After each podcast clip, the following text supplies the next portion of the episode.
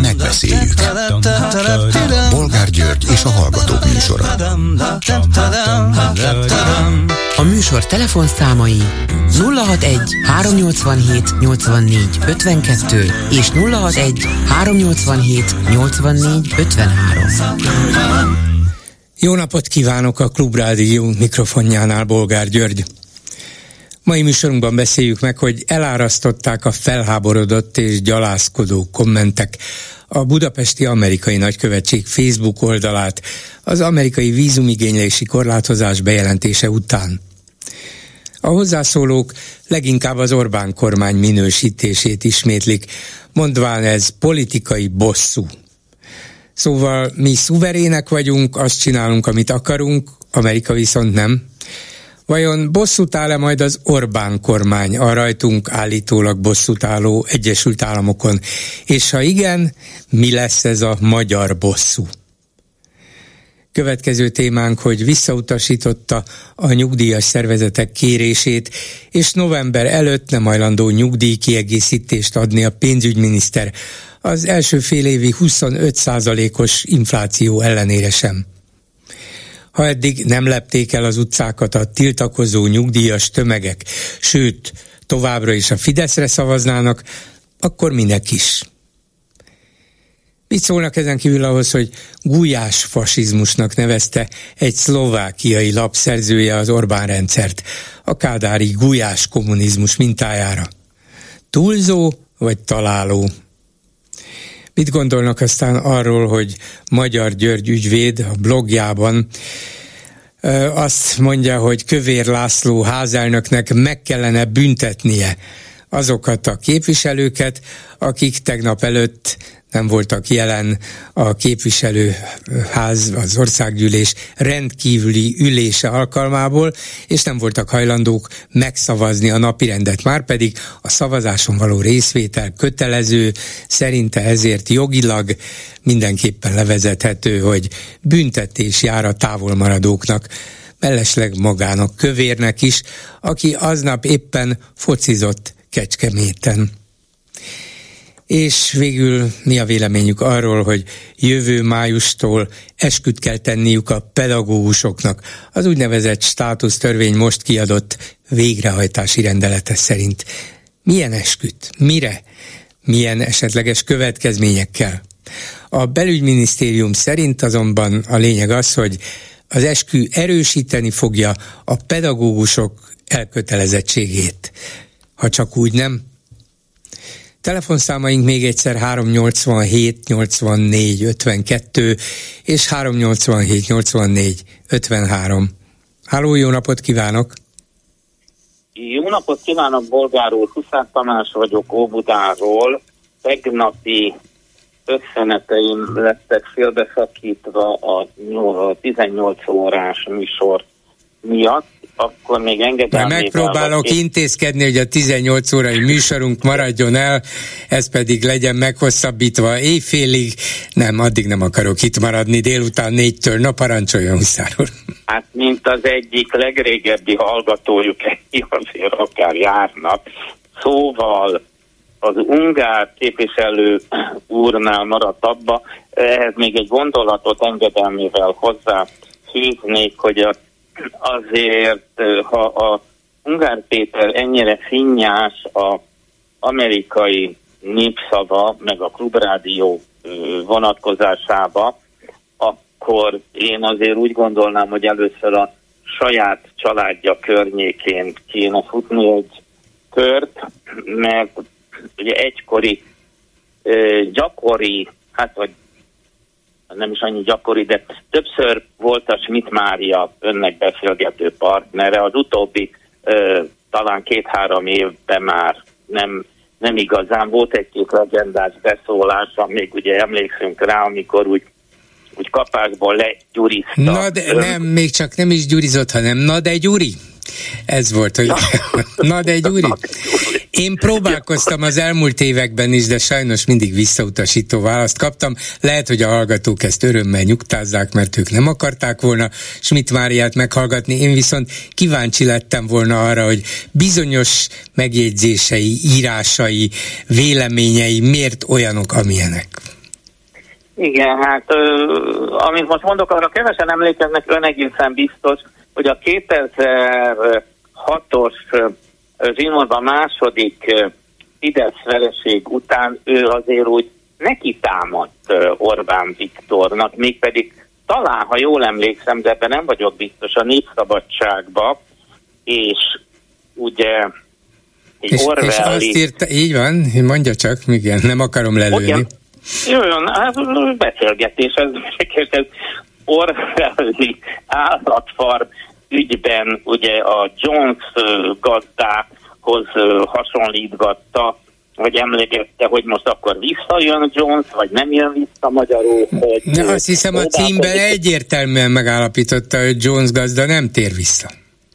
Igen, hát talán, talán abba egyetértünk, hogy Schmidt Mária akkori jövendelés, jövendelésével kapcsolatban hát most szerettünk volna egyet érteni. Ez egyszerűen hihetetlen. Nem az, hogy visszajött, hanem az, hogy ezek után Schmidt Mária hogy a búbánatba tudott az egyik leghatalmasabb befolyással bíró és befolyással és anyagiakkal bíró női hölgy lenni itt Magyarországon, szóval... Hát az anyagiak, ami az anyagiakat illeti, az a, az a volt férjétől származik részben, tehát ott teremtődtek meg az anyagi és ingatlan alapok, hogy aztán ezek hogyan bővültek, és hogyan lettek egyre jövedelmezőbbek, na ahhoz már bizonyára kellett a nemzeti együttműködésnek ez az állítólagos rendszere, de valóban az a kérdés, hogy hogy lehet, hogy ezt a bűnt nem követte egy nagyon hosszú máig tartó bűnhődés, Orbánnak szerintem ilyen a káder politikája. Áder is benne volt abban a bizonyos lázadásban igen, annak igen, idején. Igen, igen. Büntetésből Brüsszelbe lett elküldve, pedig ő a top háromba tartozott a Fideszben és aztán ott kitöltötte az idejét, majd visszahozta őt a politikailag jelentéktelen, de bizonyos értelemben presztízs szempontból mégiscsak fontos államfői tisztségbe.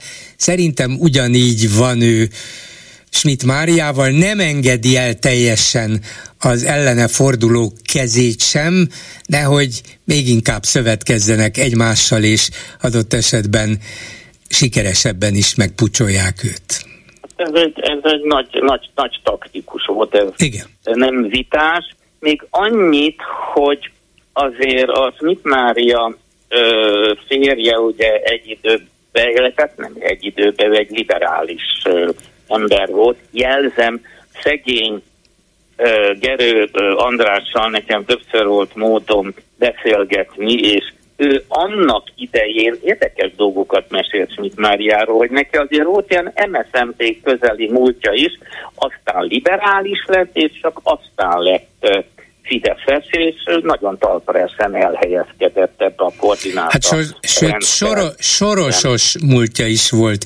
Soros támogatással kutatott Amerikában, kikerült Ránki Györgyhöz, az ismert történészhez, azt hiszem talán Bloomingtonba, Amerikába. Úgyhogy persze voltak neki mindenféle kapcsolata, és ezzel semmi baj nincsen, talán ő az, aki ezt leginkább sajnálja most így visszamenőleg, de ezt nem hánynám a szemére, hogy akkor ilyen kapcsolatai és és eszközei és barátságai voltak, amikből nyilván lehetett tanulni. Hát nem is kell a szemére hányni, csak neki be kéne ezt ismerni. Egyébként ezt köszönöm ezt az információt, ezt, ezt nem, nem tudtam, jelzem egy egy ilyen külföldi tanulmány mutat meg, egyszer én osztottam meg önnel, hogy Szilles Kápor a Harvardon tanult a 70-es évekbe egy rövid ideig, ezt meg annak idején valahogy ön nem tudta, hát mondjuk ezt nagyon sokan nem tudták, Igen. hogy volt neki ott. Olyan, hát minden esetre én a Schmidt Máriának azért szeretnék egyszer a szemében nézni, mind a a kettővel, hogy milyen múltja is volt neki, most én kérek itt elnézést. Na ennyit a Schmidt Máriáról. A volt kollégájáról, a Csisztó Zsuzsáról kapcsolatban pedig még annyit, hogy egy, egy fél mondatban hadd fényezzem magam egykoron, amikor még a nyerőgépeim üzemeltetéséről nem mondtam le önként és jó szívvel, és nem hagytam, hogy Andy Vajna folytassa ezt a nehéz, de becsületes kenyérszerzési lehetőséget. A kedvenc rádiómnak az öt éves ö, születésnapját még meg tudtam finanszírozni Óbudán, és akkor ö, az a megtiszteltetés élt, élt, hogy egy olyan asztalnál ültem, ahol a Csisztu Zsuzsa, az Arató András és ön is ücsörgött, és ugye 2006-ban lehetett, akkor Csisztu Zsuzsa még teljesen civilizáltan és normálisan beszélgetett. Ha jól emlékszem, akkor valami rivális című műsora volt önöknél, ugye? Valami igen, ilyesmi. igen, igen. Hát normális volt ő, meg nagyon kedves lány volt, és nyilván a sporthoz ért is, és nyilván ez a sport iránti teljesen érthető elfogultsága iratja vele azokat a szavakat és mondatokat, hogy minden forint aranyá válik ezeknek a fiúknak és lányoknak a kezében, kezében, lábában, fejében, mindenhol. Szóval ezek a világbajnoki aranyérmek persze nagyon dicséretesek, és gratulálunk is hozzá, és nyilván valamennyiben, vagy valamennyire a pénz is segít ezeknek a sportolóknak, hogy jobb körülmények között talán gondtalanabbul, vagy jobb edzőkkel tudjanak készülni, lehet, de azért azt állítani, vagy azt sugalni, hogy ez a sok százmilliárd, de inkább ezer milliárdos nagyságrendű támogatás a magyar sportnak mindenképpen megéri, hiszen aranyérem lesz belőle, hát ez túlzás is, nem is igaz, és még akkor is értékválasztás kérdése, hogyha valaki nagyon örül és nagyon drukkol a magyar sportolóknak, és még több aranyérmet szeretne látni, mert az a kérdés, hogy és közben mire nem megy el az a sok száz milliárd vagy ezer, kétezer milliárd. Hát igen, a támogatásoknak ugye a sorrendiség, hogy mit is kéne támogatni, esetleg a magyar ö, egészségügyet, szociális ellátást, ö, oktatást, ilyesmit. Hát minden esetre a Csisztú Zsuzsa nekem nagyon nagy csalódás. Itt most nem emlegettem fel azt az esetleges videót, azt a felnőtt filmes videót, mert ugye...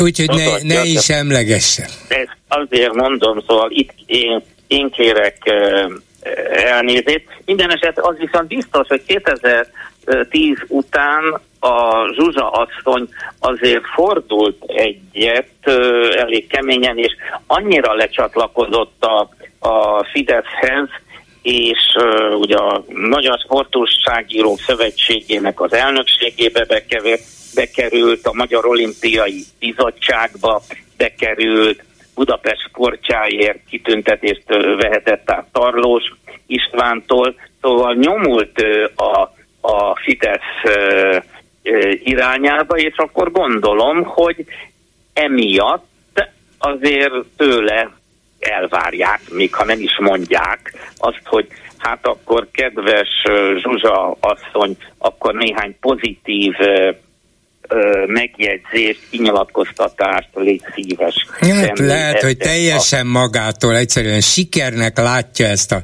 sporttámogatást, és úgy érzi, hogy hát ennél jobban nem is lehetne csinálni. Egy sportoló szempontjából mindennek más olvasata van, így el.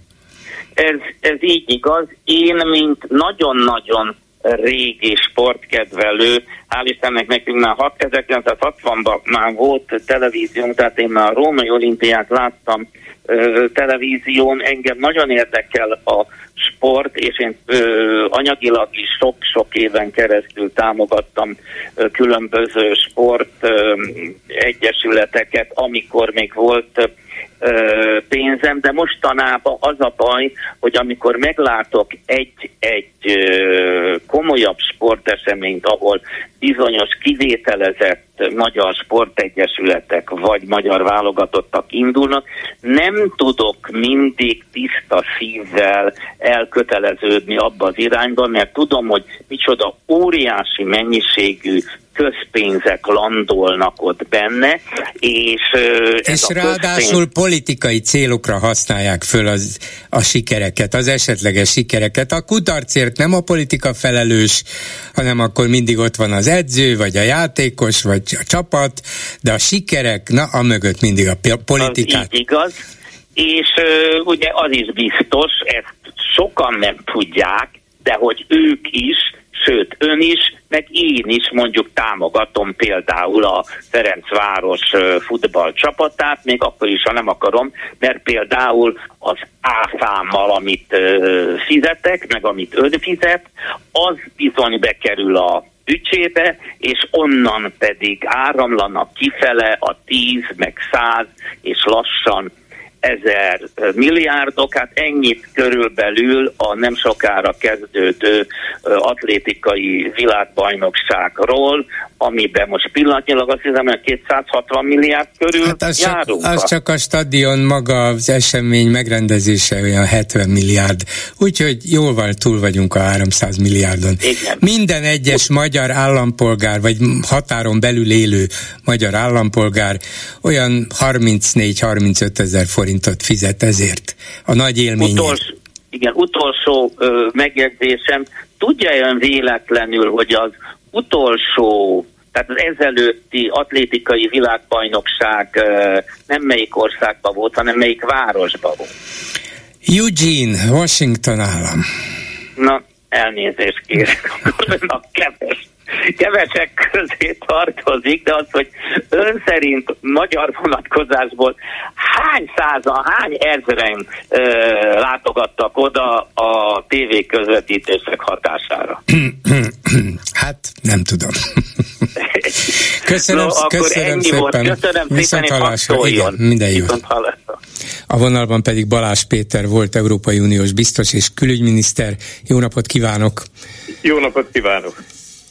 Azt mondja Siffer András, volt LMP pártelnök és most ügyvéd, de gyakori megszólaló a legkülönböző, a nyilvánosság legkülönbözőbb terein, hogy Magyarországnak fel kellene függesztenie befizetéseit az Európai Unióba, vagyis a tagdíj befizetését, mert a közösségnek semmilyen jogalapja nincs arra, hogy ne folyósítsa a támogatásokat, amelyek Magyarországnak járnak.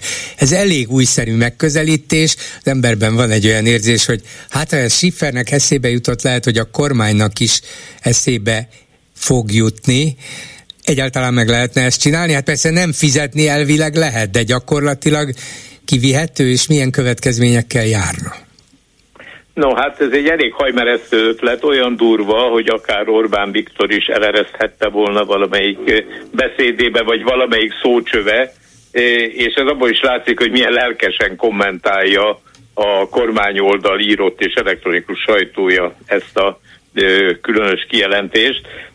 Itt az egész a feje tetején áll tudnélik, ennek a kijelentésnek nincs jogalapja, amit Schiffer megengedett magának mind a befizetések, mind a kifizetések egy teljesen transzparens, átlátható rendszerben zajlanak, és ha valaki mondjuk erre vetemedne, hogy a törvényes befizetéseket leállítja, akkor ezzel súlyosan megszegné az unió szabályait. Ráadásul ugye egy olyan helyzetet teremtene, ami hát a szerződés felmondásával egyenértékű, tehát mondjuk egy, egy ügyvédtől különösen furcsa egy ilyen javaslat, ami persze jogilag is sánti, de politikailag öngyilkos ötletlen. Igen, de nézzük még tovább egy kicsit jogi szempontból, hogy a szerződés felmondásával volna egyértel- egyenértékű, vagy egyértelmű, és Hát tegyük föl, hogy a magyar kormány, mint annyi minden mást, azt mondja, hogy ezt is kipróbálom, hát mi történhet? Tankokat nem fognak küldeni, azok úgyis Ukrajnába mennek, nem a mi egyetértésünkkel, de oda mennek Magyarországra, nem marad. Úgyhogy mi ettől még nyugodtan meg leszünk békében, de vajon egy ilyen procedúra úgy folytatódna, hogy az Európai Unió vagy az Európai Bizottság kötelezettségszegési eljárást indítana Magyarország ellen, amiért nem fizeti be a kötelező tagdíjat, és Magyarország visszaválaszol, hogy ezért, mert ezért, mert ti meg nem adjátok oda a nekünk járó támogatást, és a dolog elmenne az Európai Bíróságra, ahol rendkívüli gyorsasággal egy év múlva eldöntenék, hogy mi is a szabályos? Hát körülbelül ez lenne az útja valóban, mert először egy, egy emlékeztető, egy figyelmeztetés, egy felszólítás jönne, és utána valószínűleg egy kötelezettségszegési eljárás indulna. Nagyon gyorsan landolna az ügy az Európai Bíróságnál, azt hiszem. De ugye Magyarország a befizetései oldalán élvezi azt a helyzetet, hogy a viszonylag gyengébb fejlettség és jövedelmi szintű tagállam. Tehát a legnagyobb része a befizetéseknek ez a, a nemzeti jövedelem alapján kalkulált, és itt mi viszonylag csekélyebb mértékben járulunk hozzá, ugye ezen kívül még a vámbevételeink, 75%-át beadjuk a közösbe, mint hogy vámunióban vagyunk, és az áfa egy bizonyos hányadát ezekből állnak a befizetések. Ez pontosan követhető. Ugyanakkor épp hogy a fejlettségi szintünk miatt sokkal nagyobb arányban részesülünk a kifizetésekből, tehát a viszonylag mérsékeltebb befizetések megtagadásával kockára tenné ez az ötlet a sokkal jelentősebb kifizetéseket, ahol Magyarország, Lengyelország és Görögország együtt a, a legkedvezményezettebb országok között van, feltéve, ha betartja a szabályokat, és mondjuk azt a néhány viszonylag könnyen teljesíthető föltételt is teljesíteni, ami miatt most bizonyos pénzek függőben van. De hát láthatóan nem akarja teljesíteni, illetve eljátsza azt, hogy hát én tulajdonképpen mindent teljesítettem, és amikor megkapja a választ, hogy de nem, ebben, ebben és ebben ez nem teljesítés, vagy csak nagyon is részleges, akkor megrántja a vállát a magyar kormány, vagy illetékes minisztere, vagy éppen maga a miniszterelnök, és azt mondja, hát látjátok, hát ez a politikai bosszú. Hát ezek csak politikai okokból próbálják rajtunk megspórolni azt a pénzt, ami egyébként már meg meg sincs, mert Ukrajnának adták oda. Szóval el lehet-e mégis játszani ezt a játékot, és lehet-e, hogy nem csak Schiffer fejében fordul meg, hanem a magyar kormány azt mondja, kipróbálom ezt is. Hát mit veszthetek rajta? Mit veszthet rajta?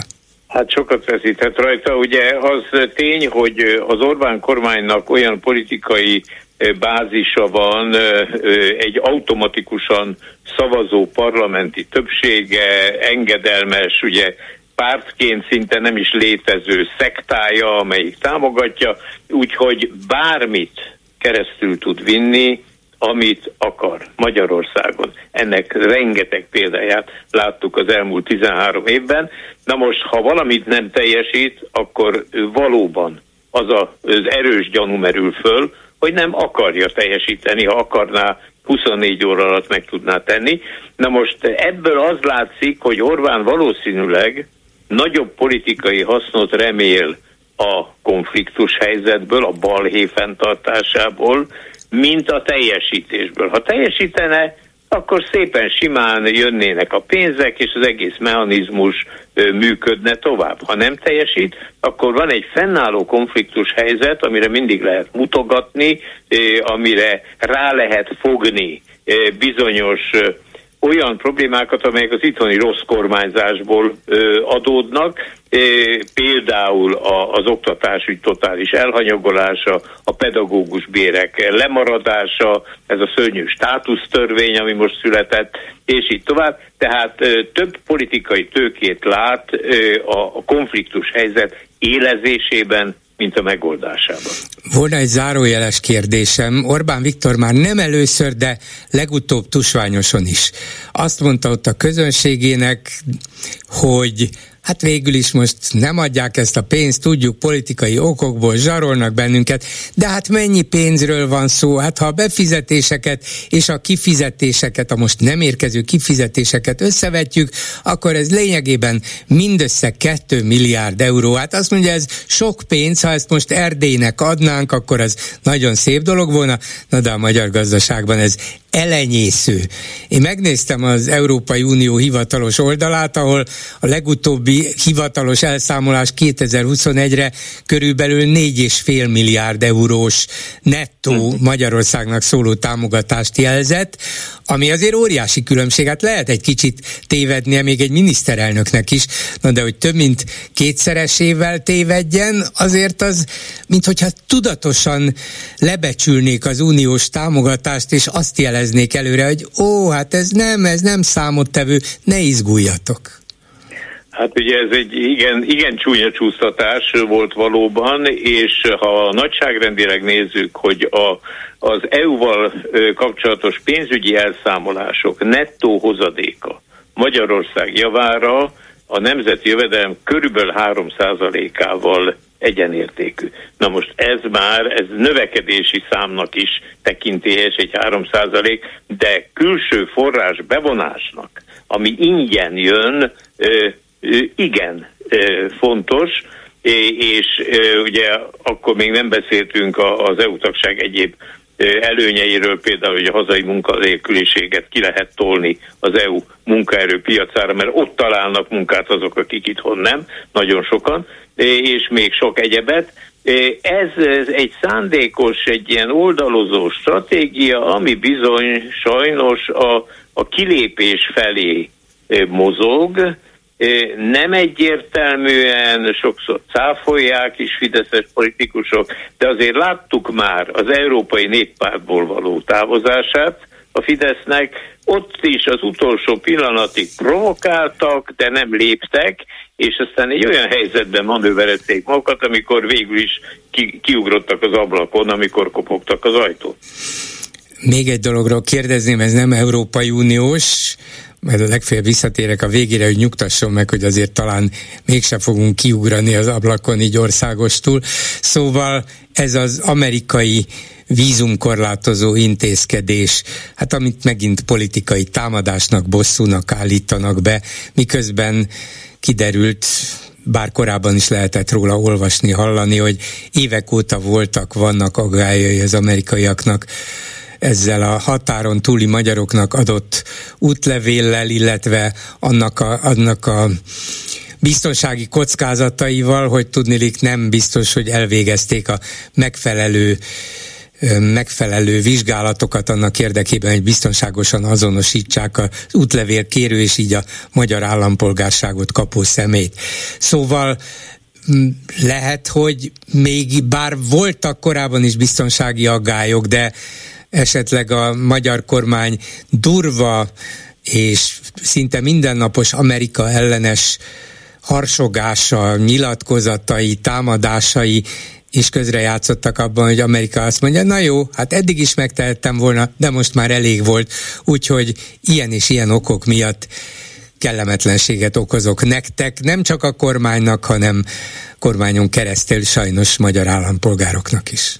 No, én ezt úgy látom, hogy itt nagyon sokan belementek a, az Orbánék kommunikációs csapdájába. Tudnélik, ők kapcsolták össze a határon túli magyaroknak adott vagy nekik szándékozott kettős állampolgárság ügyével, holott most nem erről van szó, mert azt az ügyet két évvel ezelőtt az USA már kezelte annak idején, 2021-ben történt, hogy leszűkítették a Magyarországnak járó vízummentességet a csak Magyarországon születettekre.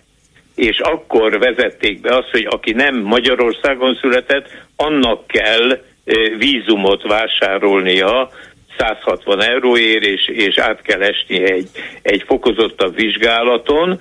Ahhoz kérte akkor az USA a magyar belügy együttműködését, amit megtagadtak, de továbbra is fennállt az, hogy a Magyarországon született magyar állampolgárok ebben az elektronikus rendszerben, az ezt a rendszerben 14 dollárért kaphattak. Ami most történt, az egy politikai figyelmeztetés. Tudnék figyelmeztető jelleggel és célzattal a többszöri belépés helyett egyszeri belépésre szűkítették a vízumot, és a két éves érvényességet egy éves érvényességre korlátozták. Továbbra is lehet azonban 90 napig ott tartózkodni. Tehát ez egy viszonylag csekélyebb administratív lépés, ami egy ilyen felemelt mutató új, és én úgy látom, hogy talán inkább azokra a biztonsági kockázatokra reagál, mint például a svéd NATO tagság eh, ratifikálásának az indokolatlan halaszgatása, és hát egyéb eh, az Ukrajnában folyó orosz agresszióval kapcsolatos, eh, és a szövetségünket gyöngítő magyar magatartásra és lépésekre.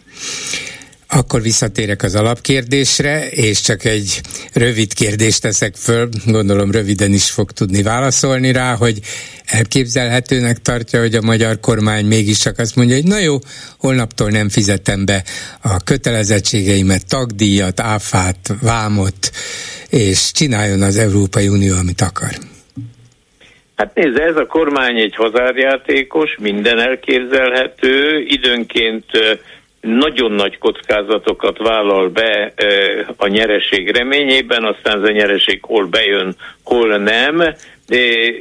Én még ezt sem zárnám ki, bár ez jelenleg így a, a verbális szinten mozog, tehát üzengetünk, üzengetünk, de ez kicsit hasonló a Oroszország elleni szankciókhoz, hogy a brüsszeli elhibázott szankcióktól harsog az ország, miközben szorgosan meg, megszavaznak minden szankciós csomagot Brüsszelben, tehát ez egy ilyen, egy ilyen ökölrázás, fenyegetőzés, és hát egy, egy reménytelen útkeresésben igen rossz állapotban van a magyar költségvetés, és nagyon kéne az az uniós pénz. Köszönöm szépen Balázs Péternek, volt uniós biztosnak és külügyminiszternek. Viszont hallásra! Viszont hallásra! Háló, jó napot kívánok! Jó napot kívánok, Gergely vagyok Budapestről, és ezt a vízum témát szeretném folytatni. Igen. Hogy az előző demokratikus, illetve baloldali kormányoknak köszönhető, hogy ezt a kedvezményt el tudták érni Amerikával szembe, illetve az állampolgároknak a fegyelmezettségének, hogy nem lett sok probléma a beutazásból, mert folyamatosan monitorozzák azt is, hogy a beutazókkal milyen problémák vannak, tehát hogy mennyire szegik meg a szabályokat, és ennek a hosszú évtizedek munkájának lett az eredménye, hogy ezt a kedvezményt megkapták, illetve ugyanez mondható el a Schengeni övezethez való csatlakozáshoz is, hogy az is nagyon hosszú út volt és sok munkája volt benne a demokratikus kormányoknak, illetve a baloldalnak. Igen, hiszen, hiszen ott is, kormány. Igen, hiszen ott is az Európai Uniós tagállamok aggódtak, hogy majd ha Magyarország nem teljesíti a kötelezettségeket, akkor ezzel biztonsági gondokat okoz Európa többi részének. Itt is Amerika azt vizsgálta, vajon hány könnyített vízumot kapó magyar él vissza ezzel, maradott például tovább az Egyesült Államokban, vagy vállal munkát, még ha nincs rá jogosultsága, engedélye akkor is, és megnézik, hogy ez körülbelül mekkora aránya a vízumot kapottaknak, és egy bizonyos szint alatt kell maradni ahhoz, hogy az amerikaiak megtartsák ezt a kedvezményt.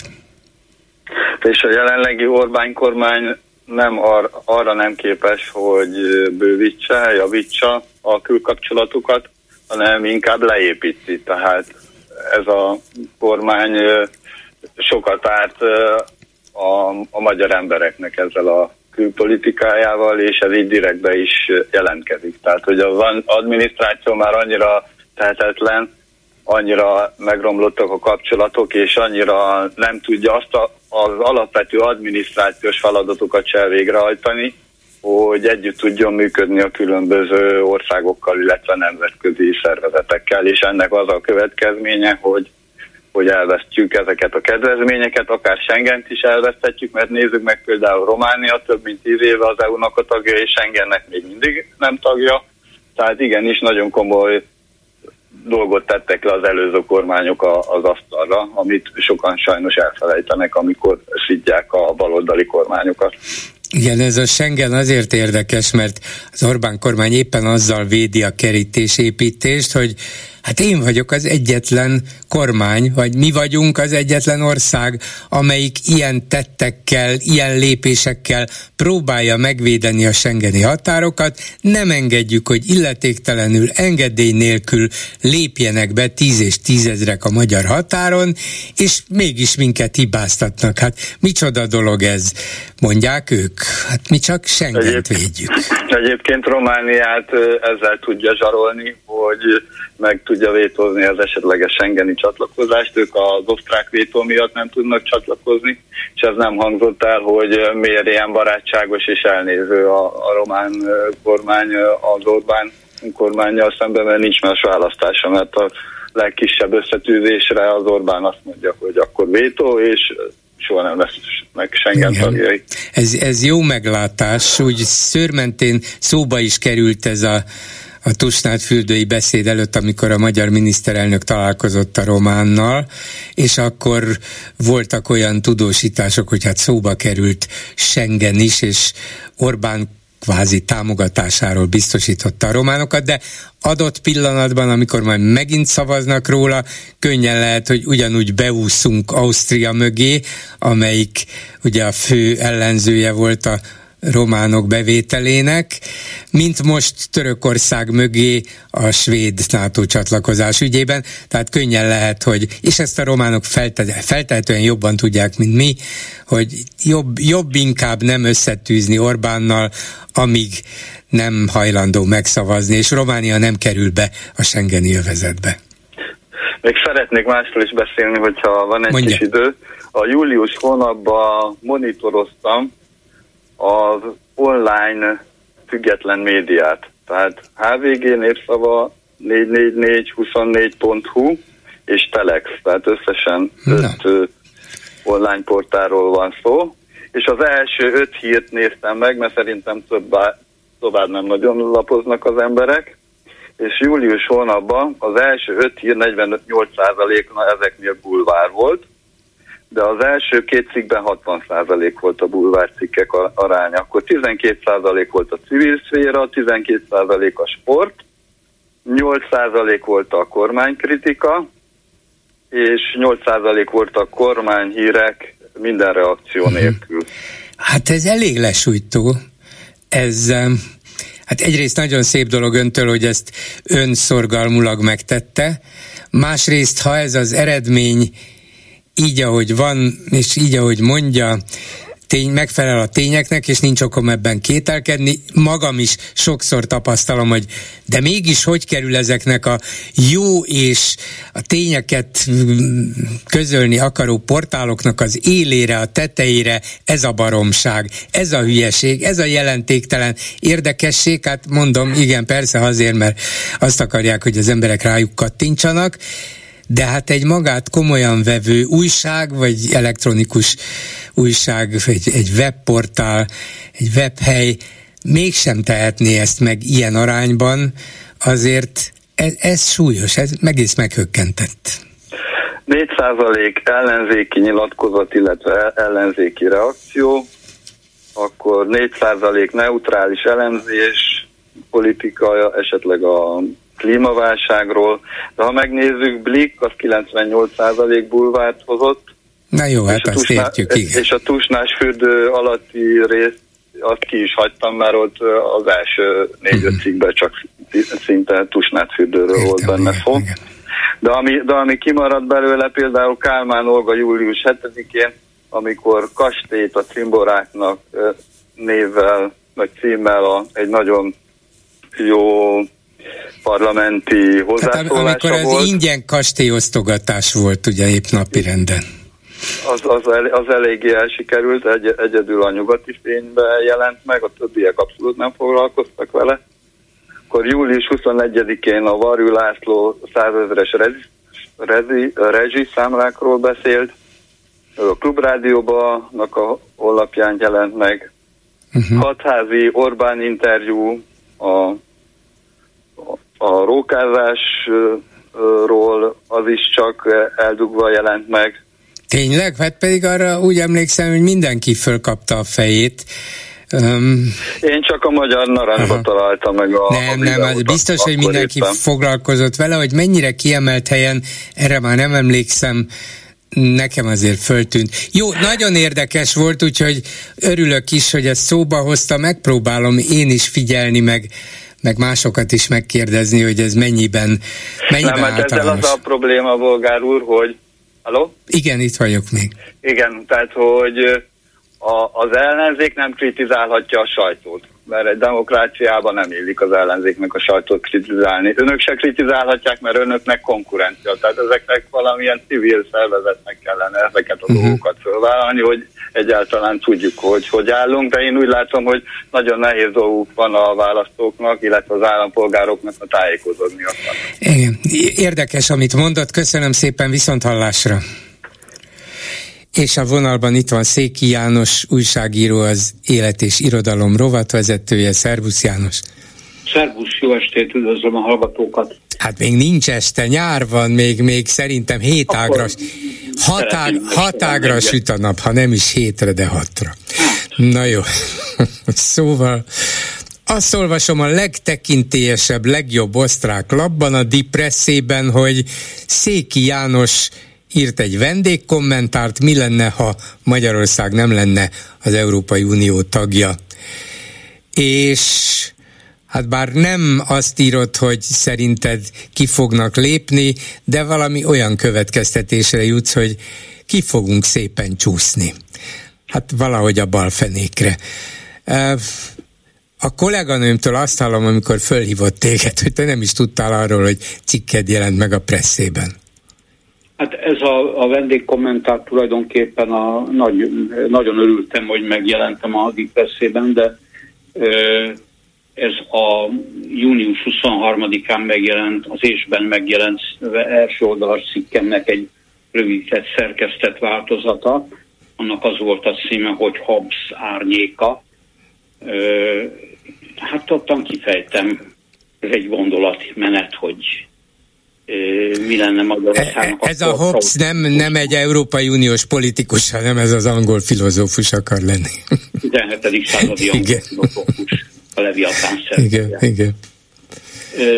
Tehát a kicsúszás pedig, a, a, ha valaki elolvassa a, a teljes élet és irodalom belül cikket, akkor itten Zsidai Viktornak a gondolatmenetét követtem, aki a Holdblogban írta meg, hogy és én ezen eléggé egyetértek, hogy mindenki azzal riogat attól fél, hogy ö, végül is Orbán kiviszi a, az országot az unióból, vagy ilyen látványosan kilép, és, de ez, ez, szerintem ez teljesen ö, idegen az ő politikusi alkatától, aminek a lassú felmorzolása lényege, tehát egy ilyen drasztikus lépés ez azért még Magyarországon is a itteni tespett tunya közéletben is elég nagy ellenállás váltanak ki.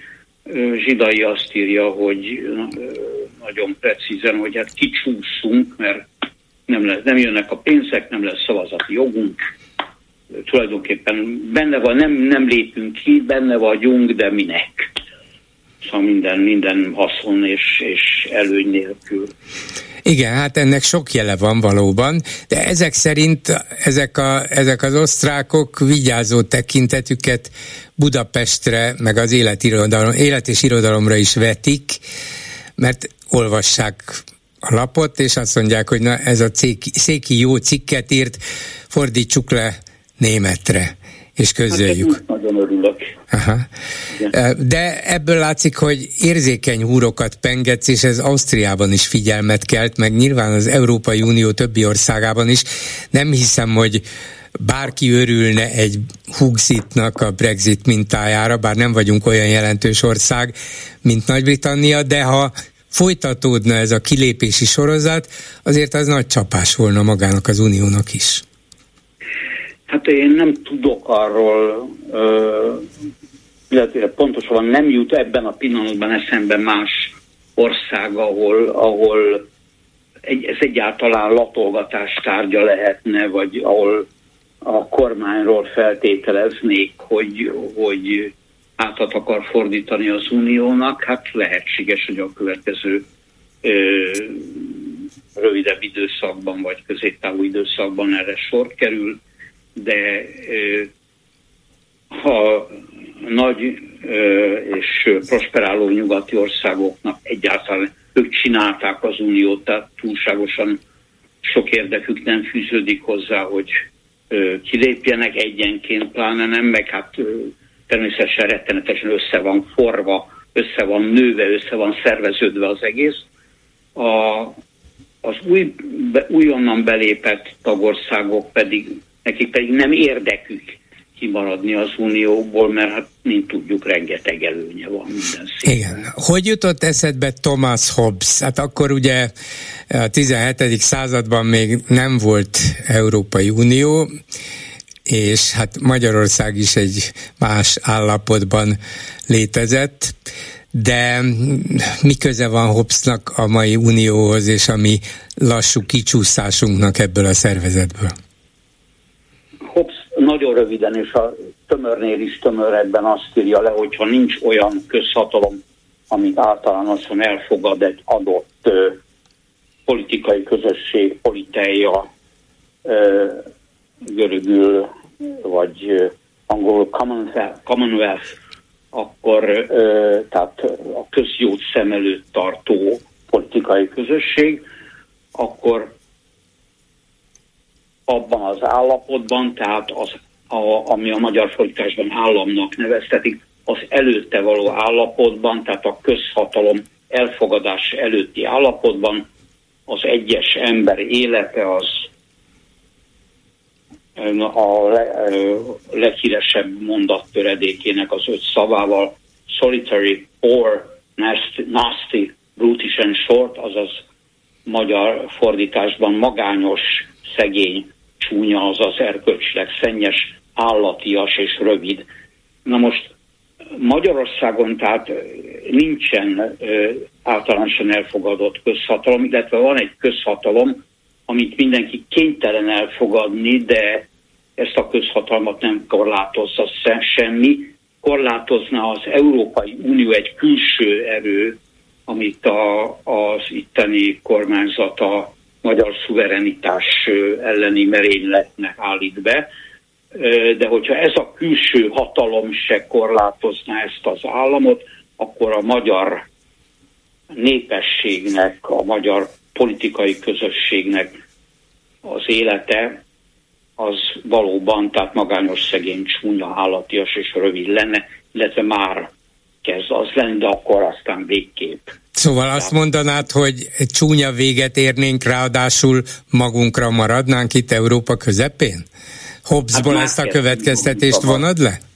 Tehát már kezdünk magunkra maradni, tehát ö, már is közmeg, nemzetközi megvetés és nevetség tárgya Magyarország. Nagyon sajnálom, és nekem nagyon rosszul esik, hogyha bármilyen nemzeti for, nemzetközi fórumon az ember megpróbál megszólalni, akkor már, már ilyen ferdeszemmel nézik, hogy ez onnan jött, akkor mi, mi lehet a fejében, és mit akarhat tőlünk, milyen ember lehet ez a, a szegénység az, tehát az, ez annyit a magányról, de hogyha kimaradnánk az unióból, akkor ez megpecsételődne.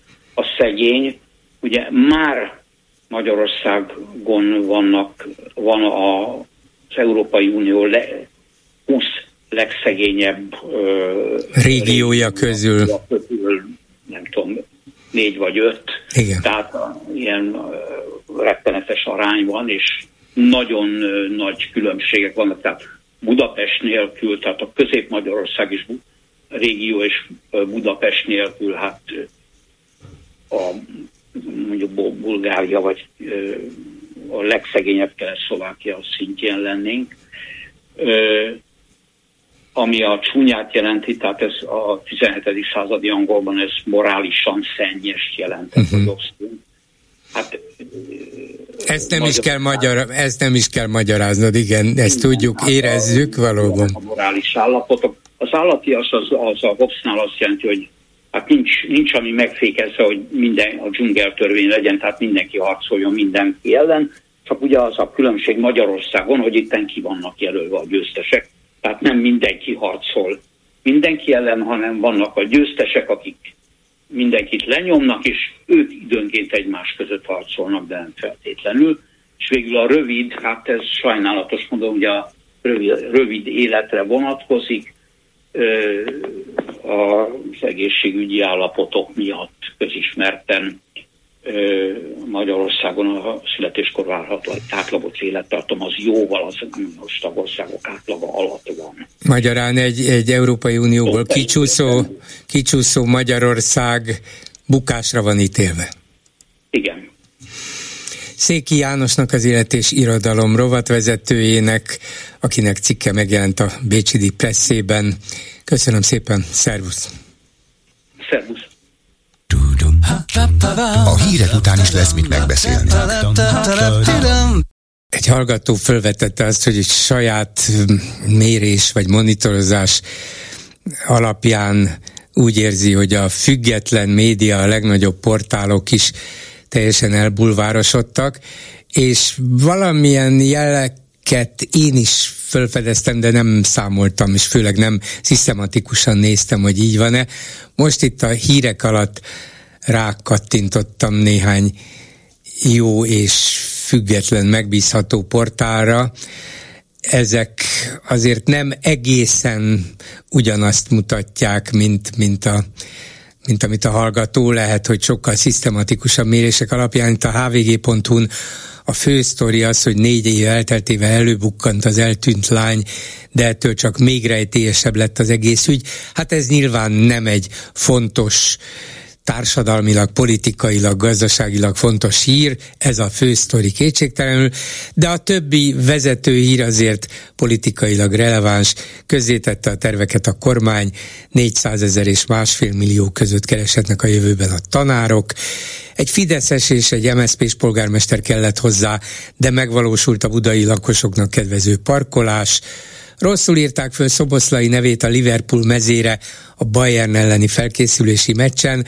Hát ez megint inkább a bulvár, de állami szintig érhetnek az illegális gumilerakók, az akúhulladékok tovább ronthatják a helyzetet, szóval ez azért nem a bul- bulvár többségét jelzi. Telex, hát ott a fősztori, igen, hát ez a könnyed sztori, bármilyen gyümölcs, két tál és tíz perc kell a legjobb nyári desszerthez. Lehet nagyon praktikus, lehet nagyon vonzó, de hát mégse ez a nap fő híre, ugye?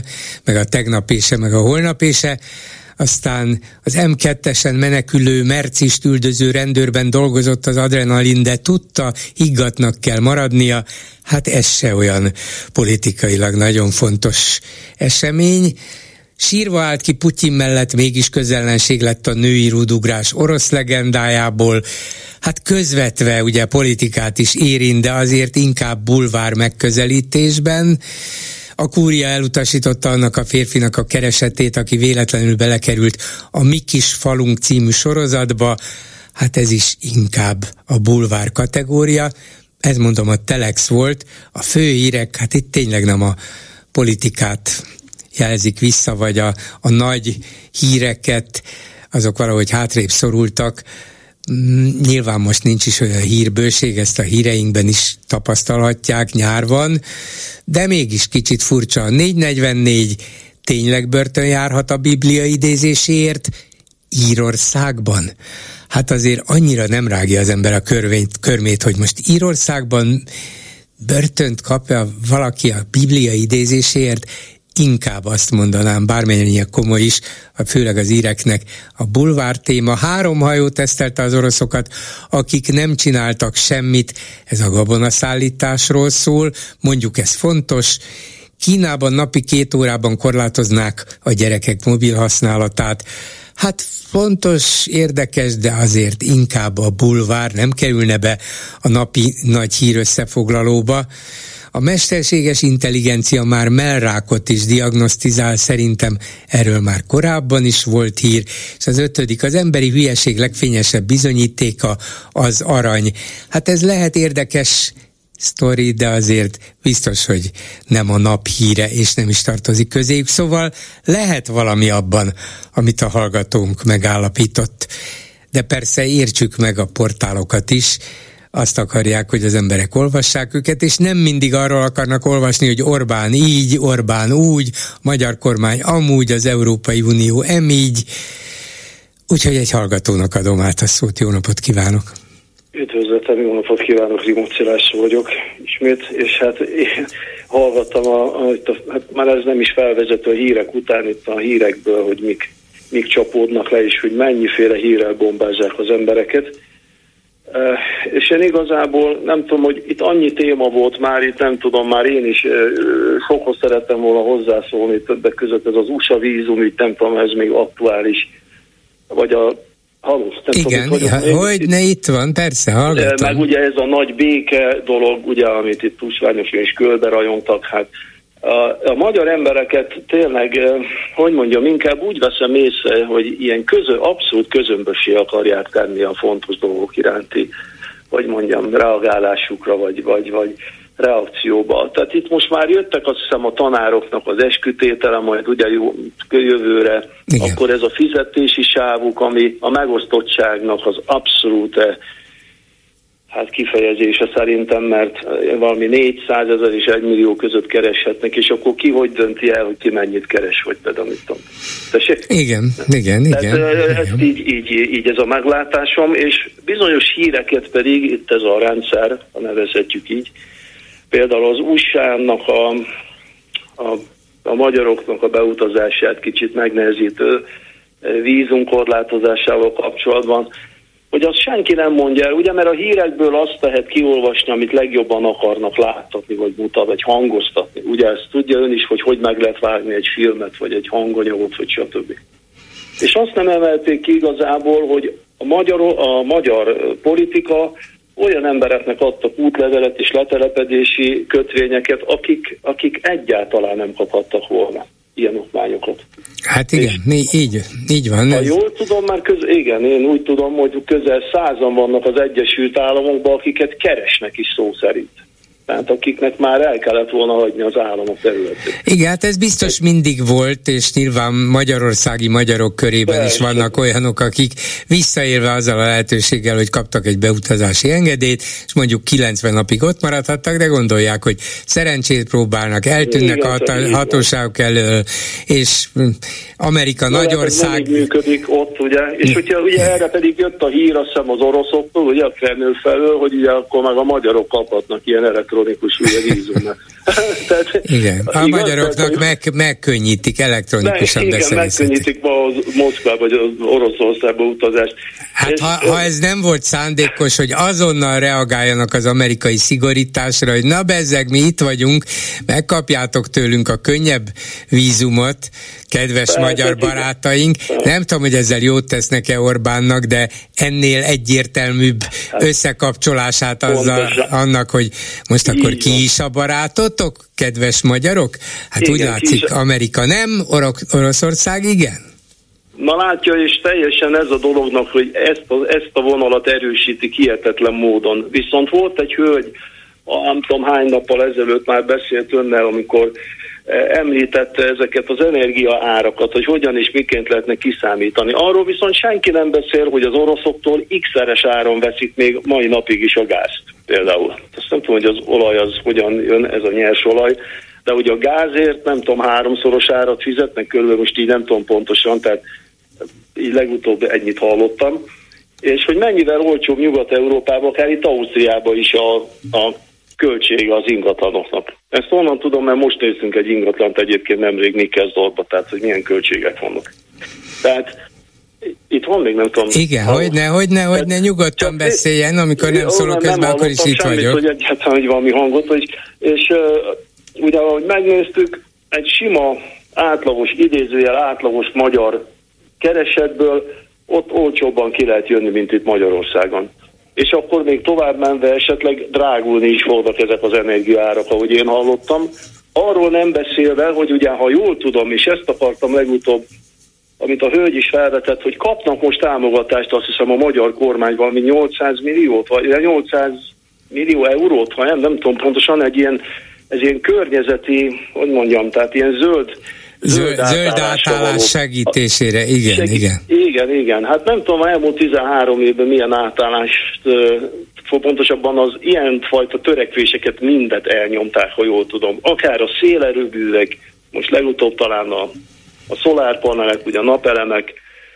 Szóval teljesen abszolút rendezetlenek ezek a dolgok, és Burgálandban a elektromos áram előállítása 80%-ban ott például a, a szélerőművekből van. Épp Mikkelsdorf környéken néztem, több mint száz szélerőmű működik ott. Jó, hát Magyarország bizonyos értelemben szélcsendes országnak számít, ez sokszor nem igaz persze, de, de ugye a tengerhez közelebbi országok, vagy ahol nagy hegyek vannak, ott, ott azért könnyebb könnyebb a szelet befogni az energiatermelésbe, így se lehetetlen. Igen, ez kétség kívül nézve, hát a nap se egyformán süt mindenhol, mert a domboz egy a földrajzi viszonyod, de az itt a, én a kisalföldről beszélek, azért itt nem nagyon áll meg a szél egy hamar úgy itt. Így van, így van, tehát, így van. Tehát itt azért, itt azért elférne jó pár szélkerék, szóval itt most ez a szél az nem úgy van, hogy eljön a határig, és ott elváltuk, aztán vége. Na, mindegy, szóval sok mindenben, és, és akkor, akkor fölveszik ezeket a támogatásokat, de sohasem jut oda, ahova igazán kellene, vagy például a rászorulóknak. Erről sem beszél senki. Erről, tehát hogy a lakásokat, vagy olyan családi házaknak a szigetelését, nyilászáróit, fűtéskorszerűsítés, stb., amivel rengeteget lehetne spórolni, és nagyon sok ember van abban a helyzetben. Tehát ez soha nincs kiemelve. Ez soha nincs uh-huh. kiemelve. Hogy mit, Tessék, nem tudom. Menj, mondja, mondja, mondja tovább, igen, mondja. Csak, csak azt akartam hogy erre senki nem hívja fel úgy a figyel, vagy az emberek nem tudnak róla, és nincs is rá lehetőségük, hogy bárkihez oda, hogy mondjam, bármilyen szervhez tudnának fordulni, szerv, hát valamilyen ilyen energetikai céghez, akik esetleg tanácsot vagy segítséget tudnának nekik adni, hogy, hogy a, a fűtéskorszerűsítésbe, lakával, az épület szigetelésbe, stb. Tehát ezek teljesen el vannak felejtve. Csak az van, hogy ki van küldve a számla, amiről egy átlagfogyasztó nagyon nehezen tudja megállapítani, vagy eldönteni, hogy ezt mi alapján és hogyan számolták ki. Ebben gondolom egyetértünk, és ezt már sokan mondták. Tehát igen eh, hogy mondjam, mind... tehát nagyon sok itt az összes tényező, és ez mind, mind fölerősíti azt, hogy mert minket meg, minket támadnak, az USA, a mi ellenségünk nehezíti a vízumot. Igen, igen, és hát, ez, ez, a, ez nem a szél... senki, hogy a rádiójukat, ugye volt a sláger, biztosan sláger volt amerikai érdekeltség, egy lekapcsolták egy teljesen fals pályáztatási dologgal, tehát egy Tehát egy ilyen, azt is lehet mondani, hogy orosz kérésre, hogyha ez így tetszik, szerintem. Igen, az is lehet, de, ez... de ez a szélenergia, amit az előbb kiemelt, Igen. az azért érdekes, mert bár Magyarországon valóban nem lehetne szélből annyi energiát termelni, mint mondjuk Németországban, Dániában, hát vagy akár Ausztriában, de lehetne, és el is kezdték, csak az Orbán kormány egy idő után teljesen leállította, és valami egészen légből kapott eh, feltételhez kötötte, hogy talán 12 kilométeres körzetben nem lehet lakott terület, és így tovább, mert az zavarja a hang, hát, meg a madarakat, meg minden. Hát nézd, bocsánat, ahogy közbevágok, Ausztriában is javarészt Burgerland az a terület, ahol szeles, és a Fertőtó környéke, mindig általában ilyen észak-nyugati a céljárás van. Tehát meg Sopron környéke, tudja, persze, vannak olyan helyek, ahol tényleg alig fúj a szél, mondjuk így. De de itt ez az észak-nyugati régió, itt a Kisalföld, itt azért jó, elég nagy hányadát meg tudná termelni a villamos energiának. De ez egy saját, egy saját éleményem. És ez is hozzá segíteni az itt élő embereket, hogyha de az akkumulátorgyár, ha csak így beleugorhatok egy perc, ha még ezt elmondhatom, Igen. hogy ide jönnek ezek a Kínából jött cégek, Fölhasználják a magyar területeket, mert ugye a gyárak azok területet vesznek el, a vízkészletet és az energiát, ami ugye villamos energia. Erről legutóbb beszéltek, igaz? Tehát ami ehhez a Igen. katódoknak az előállításához, ugye a grafitizálásához szüksége. Na nézd, ehhez rengeteg energia kell, és a Paks 2 is hol van még, ha jól tudom, még talán... Hát sehol. Pa- sehol Pakson van, csak nem kettő, hanem egy. Igen. Igen. És akkor az energia, az akkor honnan fog ezeknek a gyáraknak biztosítva lenni? Ez is kérdés. És Igen. Hát... sorolhatnánk, ugye, tehát lehetne mondani, hogy szélerőmű, napelem a házaknak a tetejére, és nagyon sokat megtermelnének a családoknak. Úgyhogy... Így van. Köszönöm szépen, viszont hallásra. Viszont hallásra. A telefonnál pedig Simonovics András, közgazdász, nyugdíjszakértő. Jó napot kívánok! Jó napot kívánok! Azt olvasom itt a hvg.hu-n, hogy a holnap megjelenő HVG-ben megjelenik az a, az, az álláspontja, hogy Magyarországon tulajdonképpen nem emelni kellene, hanem csökkenteni kellene a nyugdíjkorhatárt. Hát ez egy hosszú ideje tartó folyamat volt, hogy Magyarországon fölemelték ezt a korhatárt, és látjuk, hogy a fejlett világban mindenütt, vagy már korábban, vagy még most is tartóan Franciaországban például nagy tiltakozások ellenére, de mégiscsak fölemelik ezt a korhatárt, és ön most azt mondja, bár az elmúlt években sokszor figyelmeztetett arra, hogy a nyugdíjkassa elég feszes, elég szoros, nem biztos, hogy ezt a rendelkezésre álló pénzt szabad tovább um, osztogatni, vagy legalábbis más rendszer, más szabályok szerint kellene, de hogy most azt mondja, hogy nem is növelni kéne a nyugdíjkorhatárt, hanem csökkenteni, hát ez nekem legalábbis komoly meglepetést okozott, de lehet, hogy a nyugdíjasoknak is, vagy a nyugdíjra készülőknek is. Mivel indokolja ezt? Ez egy félreértés. Tehát különbséget kell tenni az általános korhatár között, vagy normális nyugdíjkorhatár, ami jelenleg 65 év. Én ezt támogatom, ezt nem mozdítanám. Én a minimális korhatárt csökkenteném, ami előtt el lehet menni, azt is nagyon óvatosan, két évente egy évvel, tehát legyen két év múlva 64 év a minimális korhatár, aztán két, megint két év múlva 63, és ne legyen hat, és csak 2030-ban legyen, vagy 29-ben 62 év. Na most elmondom, hogy Amerikában, ami igazán szigorú, 66 év az általános korhatár, de el lehet menni már 62 év korhatáron is. Svédország most emeli, 61 év volt, most már talán 63. Ez egy példátlan butaság és önkény, amit a magyar állam gyakorol az állampolgáraival szemben, és ezt nem menti az a másik otrombaság, hogy a nők 40-nel elenged akár 60 éves korban is nőket levonás nélkül. Tehát a nők 40-et két évente nők 41, 42, 43-ra szigorítanám, és még ott is bizonyos finomítások kellenek, tehát én egy kétfrontos harcot hirdetek. Uh-huh. Az általános korhatárt nem bántanám. Értem. A holnapi cikket azt nem olvastam még, mert a lap holnap Igen. jelenik meg, csak egy rövid összefoglalót láttam a hvg.hu-n, és ott ez nincs részletesen kifejtve, innen, innen következik a félreértés. Igen. De ezek szerint akkor most már ez mind beleillik abba, amit ön az elmúlt években írt és mondott, hogy tudni sokkal rugalmasabban kellene a nyugdíjba menetel szabályait um, megszabni, mert ez a, ez az elvágólagos és semmire és senkire tekintettel nem lévő rendszer igazságtalan is, és nem is igazán hatékony. Ugye erről van igen, szó? Igen, igen, igen. Uh-huh.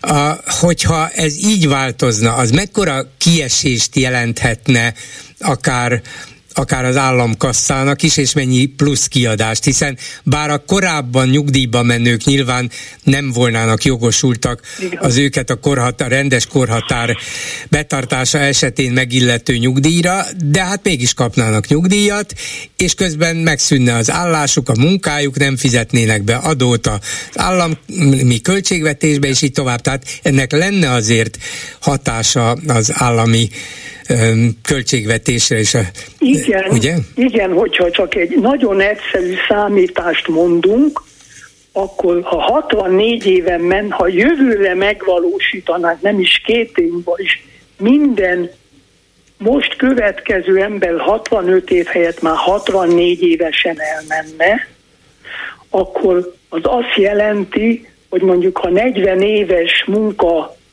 viszonyjal számolunk, hogy a munkások 24 évtől 64 évig dolgoznak, mert vannak szakadásos munkaviszonyok is, akkor kiesne egy egy évjárat, teljes évjárat, és a dolgozókból belépne a 20 éves, 20 évnyi korosztályból álló nyugdíjashatban még egy, tehát ez több száz milliárd forint lenne, ezt valamennyire tompítaná a nők 40 szigorítása. Most bevallom, hogy senki más nem támogat engem ebbe, tehát négy szemköz se tudnék olyan nyugdíj szakértőt hívni, aki engem ebbe támogatna. Ez egy elvi kérdés, és ezt őszintén szólva nem is értem, hogy a magyar társadalom hogy bírja elviselni. Most hadd dicsekedjek, én 77 éves vagyok, reggel 8 komá teljes elővel dolgozom, megmászom a csóványost, 600 méter szintkülönbséget, de én nem vagyok egy tipikus magyar dolgozó. Tehát én most is dolgozom, de nem lehet elválni egy átlagos magyar dolgozótól, hogy 64 éves kor fölött dolgozzon, nincs még egy ilyen kegyetlen társadalom. Uh-huh. Igen, szóval azt mondja, hogy, hogy legalább ezt, a, ezt az emberi faktort valamilyen módon jobban kellene érvényesíteni. Ha egyszer a magyar társadalom nem elég egészséges, és nyilván nem is lesz a következő egy-két évtizedben, Igen. akkor legalább ismerjük el ezt a szomorú helyzetet, és könnyítsük meg azoknak, akik valóban nem képesek már a munkájukat Igen. az egészségük miatt rendesen ellátni, hogy elmehessenek, akár valamilyen anyagi áldozat árán is, de lehet, hogy nekik még így is jobban megérni. Igen, igen. Ugye? Még valamit mondanék, hogy jellemző a magy- az általános elbutulásra, ami nem csak a kormányzatot illeti, hanem sajnos az ellenzéket is, hogy hibásan kor engedményes, meg kor kedvezményes nyugdíjazásról beszélnek, holott az csak egy kis részét érinti a dolgozóknak, a táncos nőket, meg a bányászokat, tehát előrehozott csökkentéses nyugdíjról beszélek. Igen. Igen, ez egy nagyon nagy teher lenne a társadalomnak. Én még azt is el tudnám képzelni, hogy ezt az észszerűtlenül csökkentett 13 százalékos szocót fölemeljük 14 százalékra, akár 15-re, hogy a kiesést pótoljuk, és ez még csökkenteni a net, amúgy is csökkenő nettó reálbért, tehát ez egy nagyon nagy ö, erőfeszítést igényelne, és nem állítom, ez kicsit Don Quixote tőlem, uh-huh. de hát valamit, jó, szóval nem, nem látom. Valamit valamiért, magyar... hát mindennek megvan az ára, ennek is igen, meg lenne az ára, igen, csak azt mondja, hogy igen. sokkal humánusabb megoldás lenne, igen, ha ez így működhetne, még ha ez pénzbe igen. kerül is. Miért igen. mondja azt, hogy, illetve hát nyilván a tapasztalatai alapján mondja, de milyen érvel mondják azt a kollégái, akár közgazdász, akár nyugdíjszakértő kollégái, hogy nem, ebben nem értünk egyet? Az, hogy ők egy vívmánynak tekintik ezt a 65 évet, ami nagyon magas, persze nem tudjuk, hogy milyen a termelékenysége azoknak az embereknek, akik félszívvel dolgoznak. Hát én most közgazdász kollégákat is látok, nagyon kiváló közgazdász kollégák 65 évesen elmenekülnek a. munkahelyükről, lehet, hogy már jobb lett volna, ha 64 évesen elmennek, tehát egy csomó baj van, hát azok a buszsofőrök, akik alványzavar miatt halálos baleseteket okoznak, tehát itt egy csomó dolog van, ez egy elvi kérdés, és büszkén vállalom, ez olyan dolog, mint hogy Kopernikus egyedül vállalta, hogy a föld kering a nap körül, tehát nem kell többségi véleménynek lenni. Én bevallom, nem nagyon értem, hogy hogy alakult ki ez a szőnyszülött rendszer, ami a világon ilyen nincs, különösen ha hozzátesszük azt, hogy nincs igazi rokkan nyugdíj, mert lehet Norvégiában 67, 67 év az általános korhatár, nincs előrehozott nyugdíj, de nagyon könnyű rokkan nyugdíjat menni. Tehát amihez nem is éltek, azért nem beszélek, uh-huh. hogy a rokkan nyugdíjazás is rendbe kell hozni. Igen, igen, igen, hiszen az is az egészségnek egy olyan fokú károsodása, ami miatt az illető megérdemelné, hogy ne kelljen igen. teljes munkaidőben, vagy akár egy idő után már dolgoznia, mert, mert neki se jó, talán a társadalomnak, a cégének, vagy az intézménynek se jó. Értem, és azért is csodálkozom, hogy de hát ez annyira magától értetődő, és egyben humánus dolog volna, hogy milyen, milyen alapokon, vagy milyen érvekkel utasítják vissza az ön. Csak. Csak, ja, csak. csak. Orbán Viktor megteheti, mint ahogy szembeszáll az egész EU-val, ebbe is szembeszáll, és a ellenzék annyira nehéz helyzetben van, vagy olyan nehéz helyzetben érzi magát, hogy a nők 40-höz sem mer ja, Azt meg sem meri említeni, igen, igen, így van. Ó, igen, hát ne ha azt mondom, ha 62 éves kor, általános korhatároz 40 éves jogviszony tartozott, akkor most, amikor 65 van, akkor miért nem 43 tartozik? Ezt senki nem meri föltenni, Farkas András nyugdíjgurú érint hasonló kérdéseket, de úgy rajta kívül, meg rajtam kívül ez egy tabu. Hát mert a nők 40 sokkal jobban hangzik, mint a nők 43. Ezt ön is hát beláthatja, igen, nem? Igen, igen. Jó, egy dolgot kérdezek még a végén, ami nem ilyen távlati, és egyelőre nincs is esély ennek a bevezetésére, hanem nagyon is azonnali lenne, hogyha a kormány megfogadta volna a nyugdíjas szervezetek kérését, hogy már november előtt a rendkívüli magas infláció miatt korrigáljon a nyugdíjasoknak adott idei emelésen, és a 15%-ot toldja meg hárommal, hiszen az első fél évben a nyugdíjas infláció 25,1%-os volt. Azt mondták, hogy nem, nincs erre semmilyen igazi ok, úgyhogy majd novemberben télünk vissza rá az ön becslései, vagy egyáltalán helyzetértékelése szerint ildomos lett volna ezt már menet közben kicsit kiegészíteni? kivételesen a kormányjal éltek együtt, ebbe az egy dologban nem kell kiegészíteni, de sokkal nagyobb baj az, hogy a kis nyugdíjasoknak sokkal nagyobb a az infláció, mert többet fogyasztanak élelmiszerből, gázból, a nyugdíjas, a nagy nyugdíjasoknak én is olyan vagyok, szerencsém, azok kevesebbet fogyasztanak relatíve, tehát most az egyszer kellett volna rendkívüli áthidaló segélyt akár a nyugdíjrendszeren kívül adni, na de hát az Olbán, a kőszívű Olbán kormány erre lelkileg képtelen.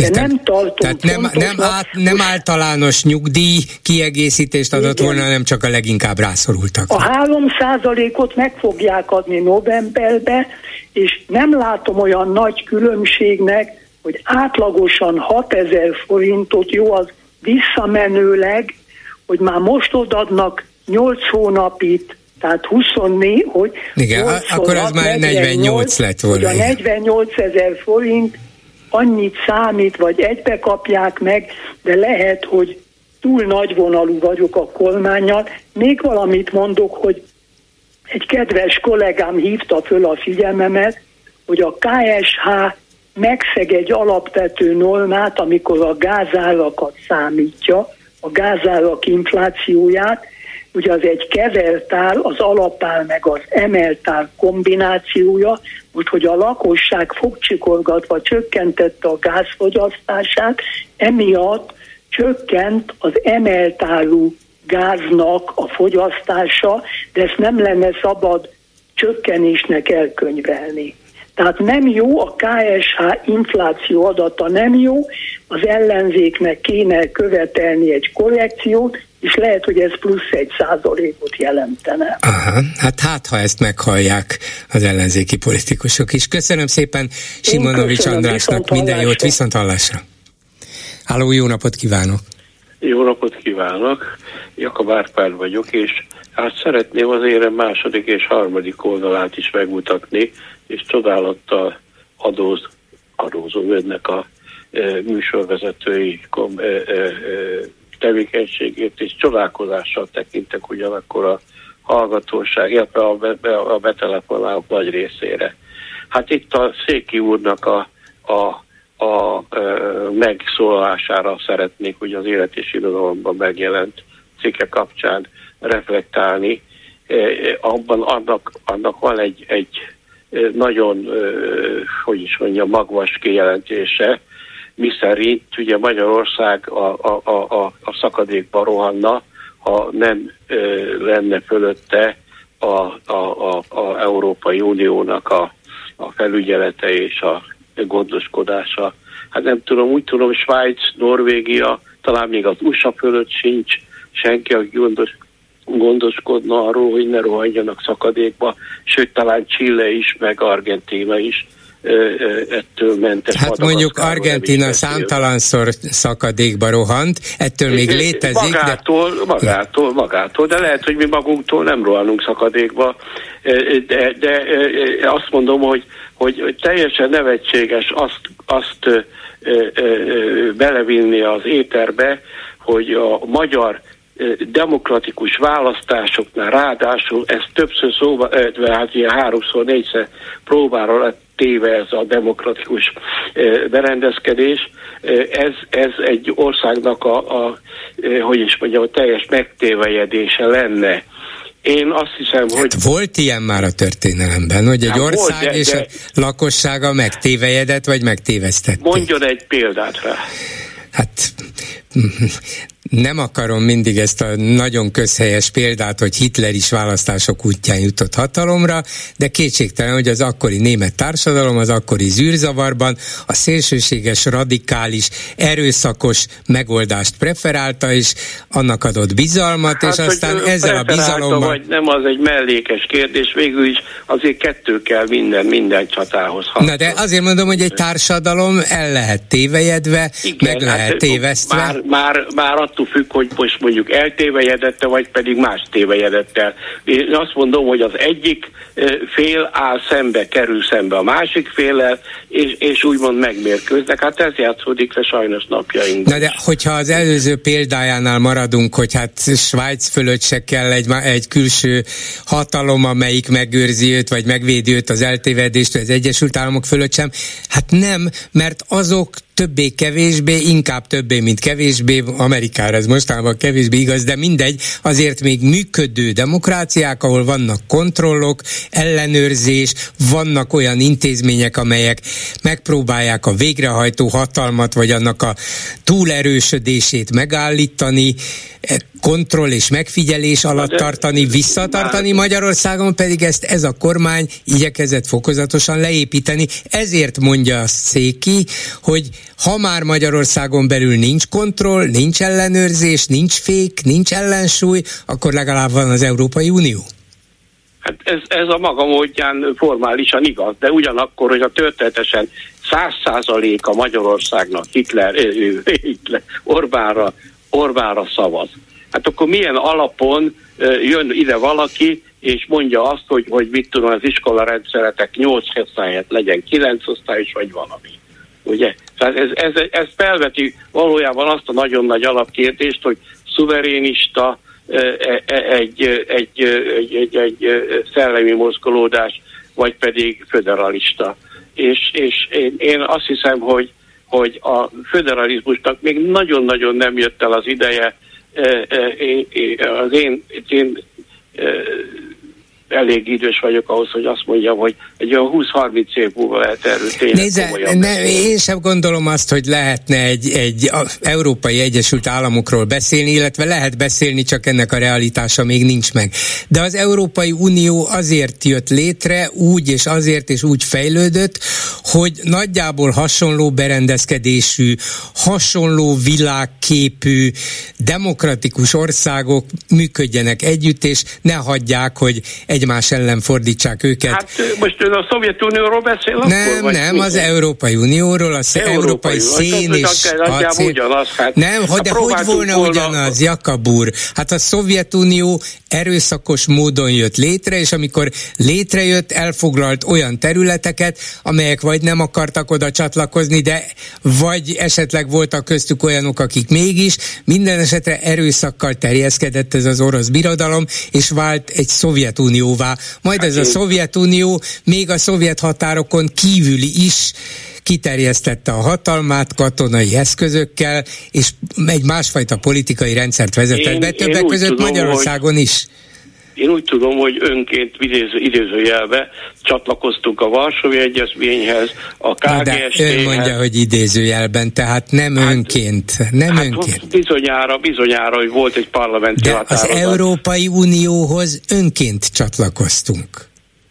Hát, én azt, azért mondtam idézőjelbe, hogy, hogy persze, hogy önként és semmi baj nincs azzal, és legyünk boldogok benne, csak én nekem nagyon gyanús az, hogy hogy két ország, ugye különösen Magyarország és Lengyelország egy kicsit, egy kicsit olyan, olyan perdeszemmel van nézve, és az azt jelenti, hogy nincs megengedve az Európai Unión belül egy, egy kicsit is eltérő viselkedés. De nem kicsit, Ez, nem kicsit, hanem nagyon, ugyanis... Hát nagyon nem, hát nagyon nem. Van a, a, a szabad, magyar, a magyar rendszer úgy változott az elmúlt 13 évben, hogy igyekeztek a bíróságok beleszólását különböző dolgokba korlátozni, vagy mindenek előtt olyan bírókat küldtek azonnal nyugdíjba, akikről úgy gondolták, hogy hát lehet, hogy a régi rendszerben szocializálódtak, lehet, hogy a baloldalhoz vagy a liberálisokhoz húztak,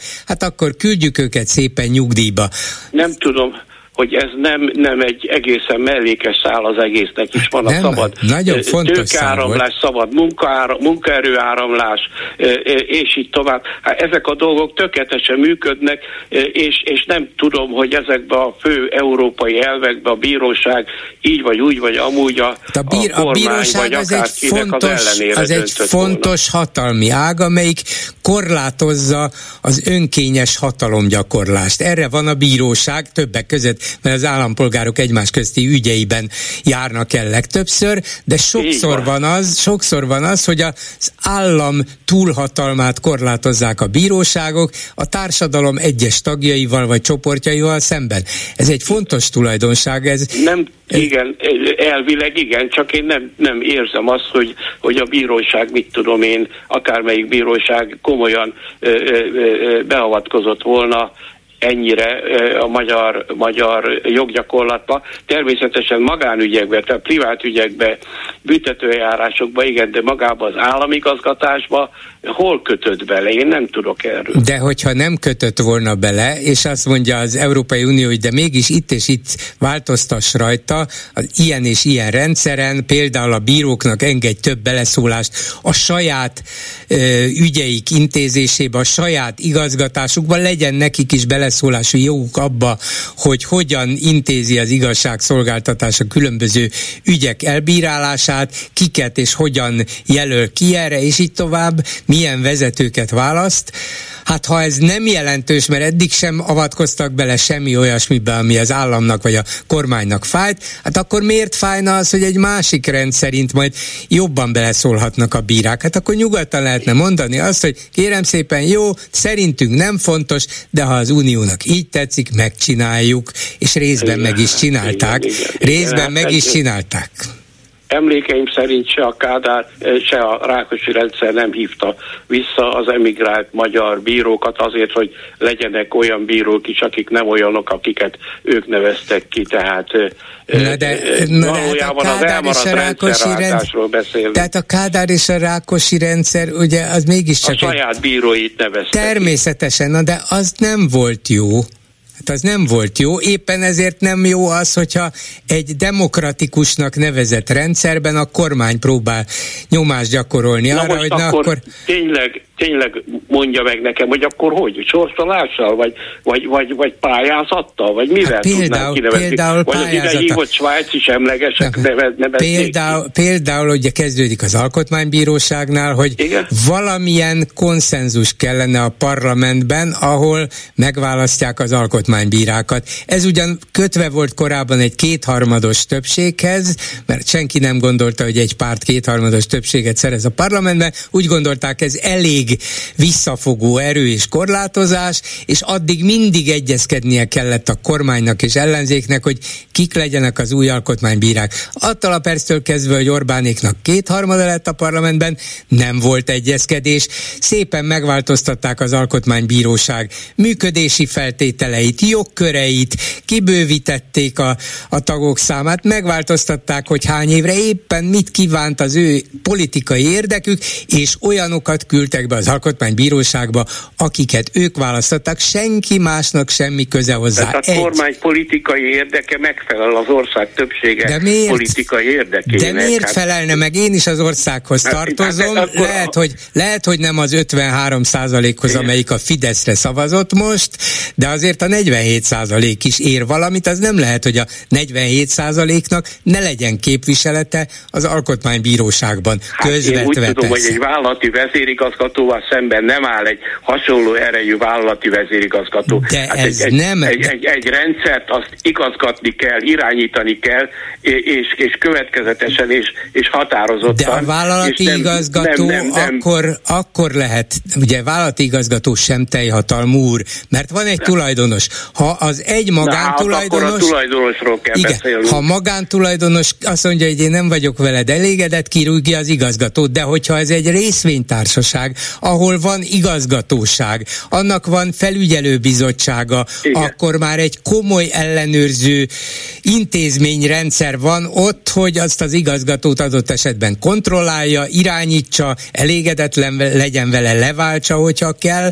Tehát még ott is működik valamilyen fajta felügyelet és ellenőrzés. A, a, a, a vezérigazgatót egy-egy döntés alapján nem fogják leváltani. Hát egy-egy döntés alapján. Az éves mérleg, vagy a több éves mérleg eredményei alapján, és ugyanez jön de, a választáskor. De az ország nem magántulajdon.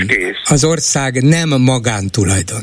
Hát az ország a, a 10 millióidnak a tulajdon. Így nyilván. van, így van. Tehát így van. Azt és ke- a tulajdonosok döntenek a választáskor. Abból kell kiindulni, hogy az 53 százalék nem visz mindent. Orbán abból indul ki, hogy de igen, mindent visz, és a 47 százalék, akkor nekik marad semmi? Hát ez, ez, ez, ez mondom, ez egy tulajdonképpen alapkérdés. Mi van akkor, hogyha 50-50 az egész? Akkor büdös életben soha semmit el nem tudnának dönteni. De, de, de, de ez nem igaz, mert rengeteg olyan ország van, olyan demokrácia, ahol mondjuk négy-öt pártból áll össze egy koalíció, mert egy pártnak nincs többsége, de négynek mondjuk van, és azok állandóan egyezkednek egymással, engedményeket tesznek, eredményre jutnak, vagy nem, de az ország mégis megy előre. És, és ilyenek a, akkor, a nyugati demokráciák akkor, többnyire a... ilyenek?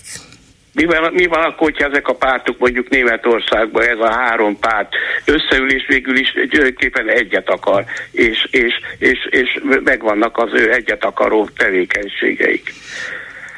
Már hát hogy... Szóval, igen.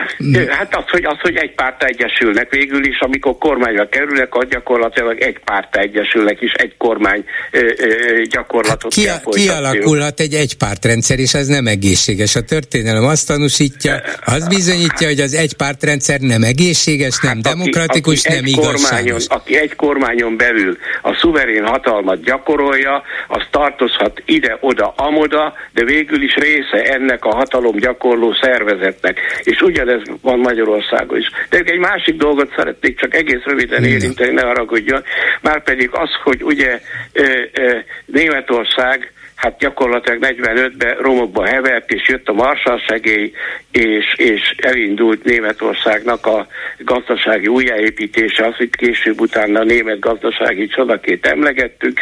Ide természetesen jöttek olyan nagy amerikai ö, ö, beruházók, mint az IBM, a, a, a irodagép óriás, akkor a Ford, akkor a General Motors, az Opel céget vásárolta, és így tovább, és így tovább. Tehát ugyanaz játszódott le ott, mint Magyarországon egy kicsit belendültünk egy egészen enyhe gazdasági csodába, amiben a masszasegély az egyetlen dolog, ami hiányzik, és jönnek ezek az iparosodó dolgok. Ugyanis nagyon szívesen az is csodálkozással hallgatok sok hozzászólót, hogy így meg úgy meg amúgy, hát honnan lesz arra pénz? Hát az ipar termeli meg azt a pénzt. Hát én Dél-Szempléből származom, és megyek a vonattal, 1960 óta éltem Németországba. Németországban két kilométerenként volt egy gyárkémény. Dél-Szempléből meg 20 kilométerenként, 30 kilométerenként jó, ha volt egy-egy szeszgyárnak egy 15 méteres kéménye. Tehát, és utána lett például a Borsodi sörgyár, pont ezen a vidéken, és hozott ipart, és most képzeljük el, ki kell vonni a borsodi gyárat. És hogy környezetvédelem. Hát Oszdon, Diósgyőrben ott voltak a kohászat üzemek. Nem tudom, önnek volt a szerencséje látni a színvapatakot 30-50 évvel ezelőtt, ugye teljesen fekete volt. A Miskolcak a víz ö, ö, ö, ö, folyása.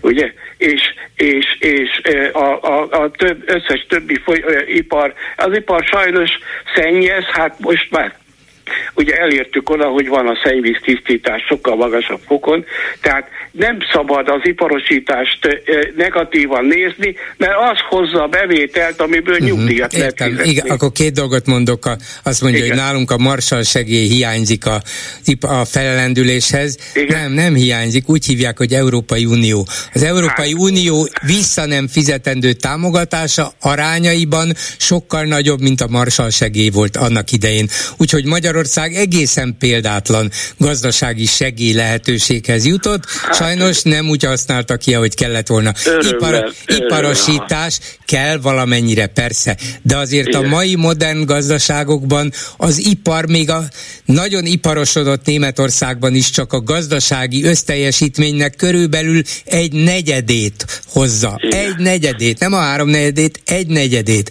Magyarországon se jut ennél tovább. Na most tudom, hogy az akkumulátorgyárakra céloz, az Igen. akkumulátorgyárak is fontosak lehetnek, csak nem biztos, hogy ekkora állami pénzből, ekkora állami támogatásokkal, ekkora nagy itteni mondjuk víz igen, és energia igen, igényeket az, használva kell megértem ennyi az pénzt akkor vázoljon fel egy másik másik iparosítási ágazatot, amelyiknek az üzleti terve szerint nagyjából ugyanolyan bevétele származik majd a magyar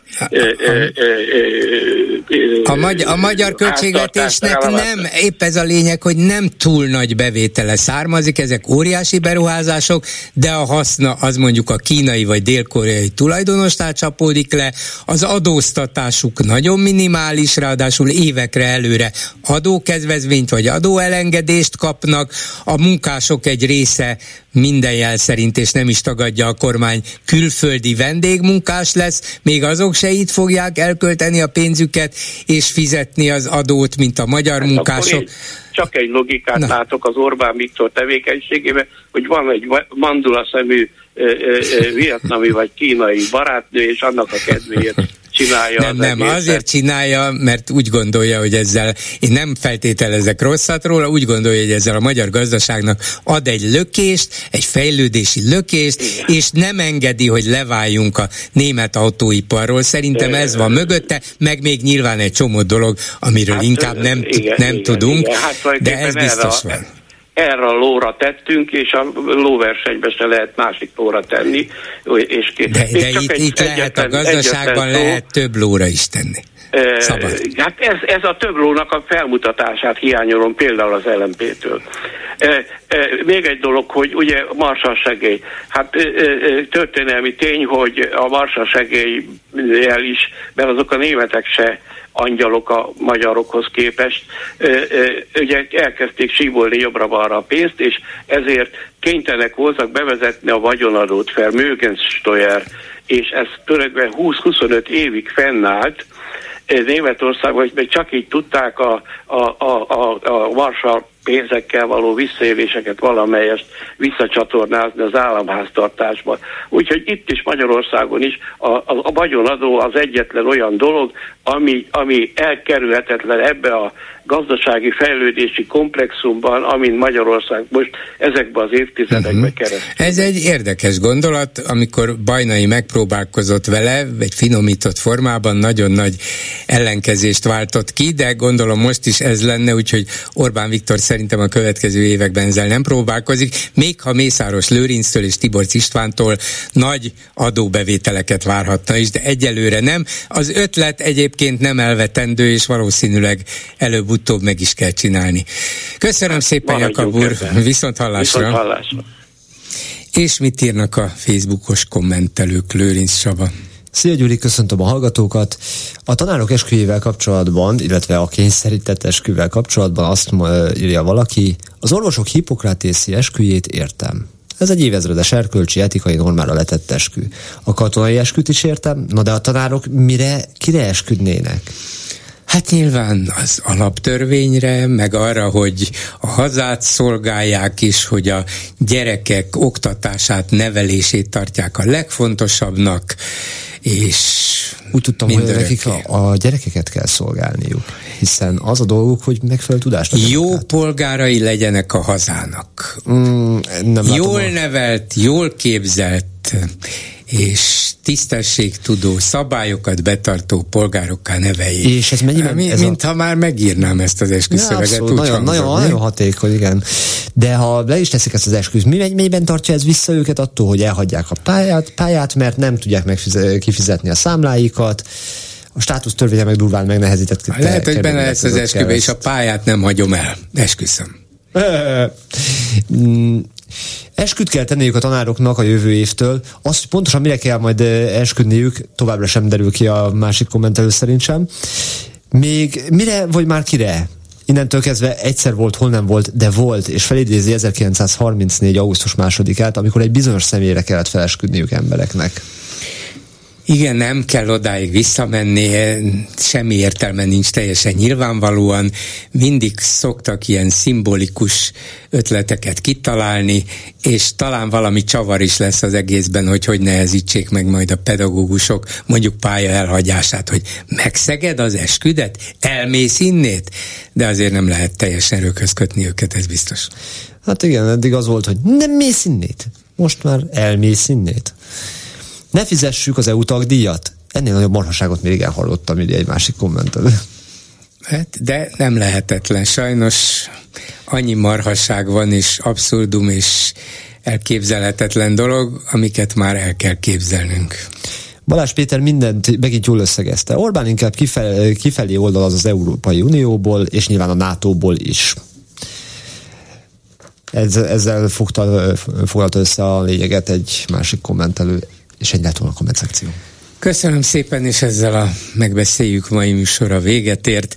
Készítésében közreműködött Petes Vivien, Lőrinc Saba, Erdei Tünde, Simon Erika és Horváth Ádám. Bolgár Györgyöt hallották, viszont hallásra holnap. Most pedig jön az Esti Gyors.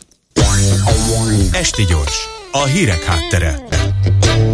Jó estét kívánok, Szénási Sándor vagyok. Egy hír és a háttere. Hogy pontosan értsük, miről is beszélünk, idézzük fel azt a jelenséget, amelyet a híres emberek autogramjainak árfolyam piacaként ismerünk.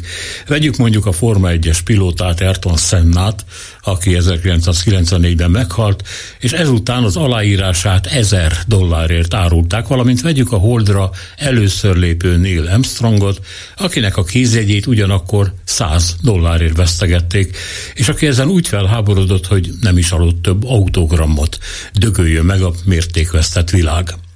A világ persze nem döglött meg, és egy szennáért továbbra is tíz holdutazót kellett adni. A kapitalizmus már csak ilyen. Na már most. A fenti aránytalan értéknövekményt hatványozottan tapasztalhatjuk a NER kiemelkedő alakjai esetében, amit azonban nem számszerűsítenénk, inkább aránypárban ábrázolnánk konkrétan. Amit Szlovákiában egy darab miniszter, az nálunk legfeljebb egy államtitkárnak felel meg, és aki az Egyesült Államokban elnök, az nálunk maximum belügyminiszteri szint lehet. Ha pedig egy amerikai helyettes külügyi államtitkárt kell méricskélnünk, az gramra azonos egy európai parlamenti képviselővel, mondjuk Dajs Tamással. Már ha azonos hiszen Dajs Tamás egy a magyar politikát kritizáló megjegyzésre nem véletlenül reagált úgy, hogy ki a om az a Thomas Melia, jelezvén, hogy minden washingtoni irodaszolgát neki sem kell ismernie. Mencer Tamás államtitkár viszont Flahovszki miniszterben detektálta az egyívásút, és korrekten közölte is vele, hogy egy állítását tekintve vagy téved, vagy hazudik. Pintér belügyér sem játszott el, hogy még sosem hallott Biden elnökről, csupán megdádázta, hogy vízumügyben bosszút áll a magyarokon. Érst sértetten torol, meglakoltat, megtruccol, stb. Mindez, mint említettük, a NER elit példátlan nemzetközi felértékelődéséről, intellektuális fölényéről és pontos helyzetismeretéről szól, valamint arról, hogy tagjai 40 év fölött és bármikor képesek 5-6 centit nőni, ha úgy látják jónak. De persze itt van még a stílusuk is. Van, aki azt mondja bunkók. Mások szerint titikus példája a passzív-agresszív viselkedésformának, amelynek az alapját olyan negatív érzések, tények alkotják, amikről az érintettek nem képesek másképp, csak hazugsággal és dürohammal megnyilvánulni lásd párja lét a nemzetközi diplomáciában, ellopni szándékozott uniós pénzek elmaradása, infláció, zuhanó forint, a befektetők bizalomhiánya, a családpolitika leépülése, a szociális kiadások kényszerű csökkentése, az orosz után a kínai csapdába való ostoba menetelés. Ezekben az ügyekben erőt felmutatni nem lehet, mert az nincs, marad a pótlék, az agresszivitás mindennel és mindenkivel szemben, a kicségbe esett fölényeskedés, lekezelés, durva beszólások, a Kárpát-medence géniusza szerepének eljátszása. A hang nem mindent elárul, teszik hozzá ezek az okos tojások.